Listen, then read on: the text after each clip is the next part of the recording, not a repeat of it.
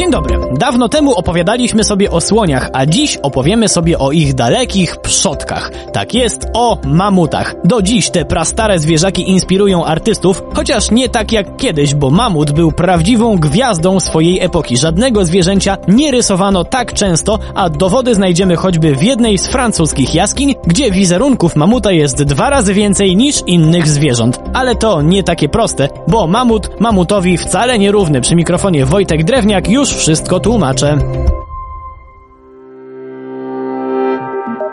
Zanim poznamy cechy charakterystyczne różnych przedstawicieli mamuciej rodziny, to musimy sobie zdać sprawę z tego, że mamuty były nie tylko popularnymi obiektami dla pradawnych artystów, były popularne generalnie i zamieszkiwały ogromną część półkuli północnej. Generalnie stwierdzenie, że mamut jest jak słoń, tylko z sierścią i dłuższymi kłami, jest mocną potwarzą dla paleontologów.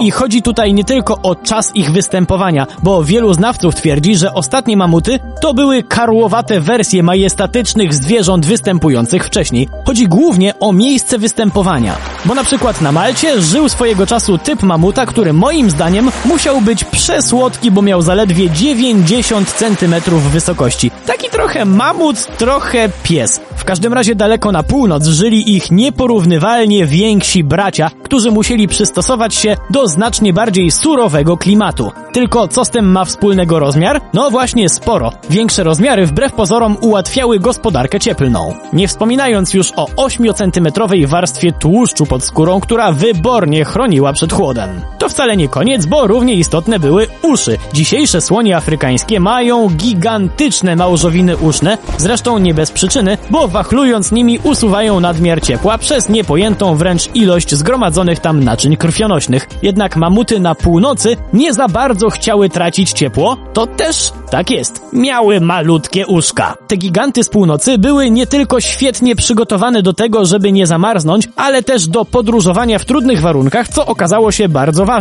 bo mamuty do tej pory zamieszkujące Europę i Azję w czasie zlodowacenia Ris przeszły powstały wtedy lodowym mostem na tereny Alaski i stamtąd zaczęły podbijać kontynent amerykański. Generalnie mamuty, mniejsze lub większe, były prawie wszędzie. Kiedy padł ostatni? Pewności nie ma, ale w okolicach 11 tysięcy lat temu i najpewniej był to przedstawiciel tej grupy największych twardzieli zamieszkujących Syberię.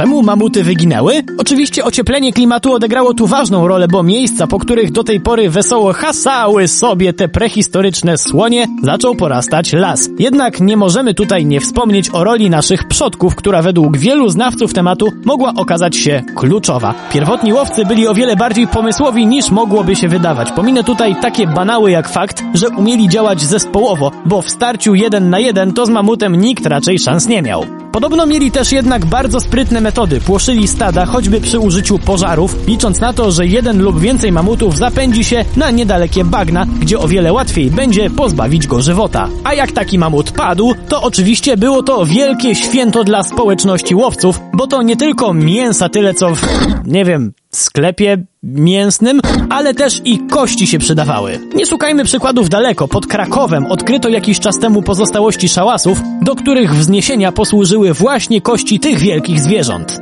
Generalnie w wielu miejscach odkryto dowody na praktyczne zastosowanie pozostałości po mamutach, choćby zamknięcia skonstruowane z ich kości.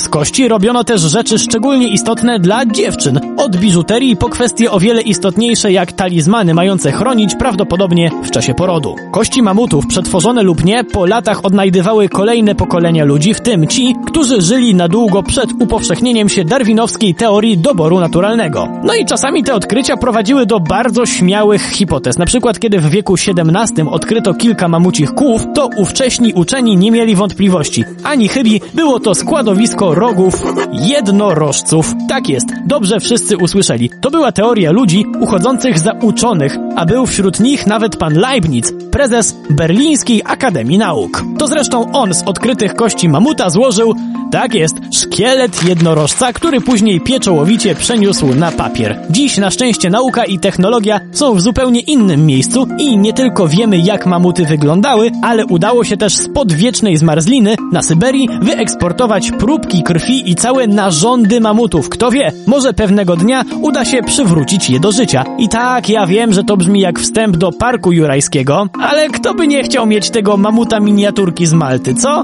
Przy mikrofonie był Wojtek Drewniak. Do usłyszenia.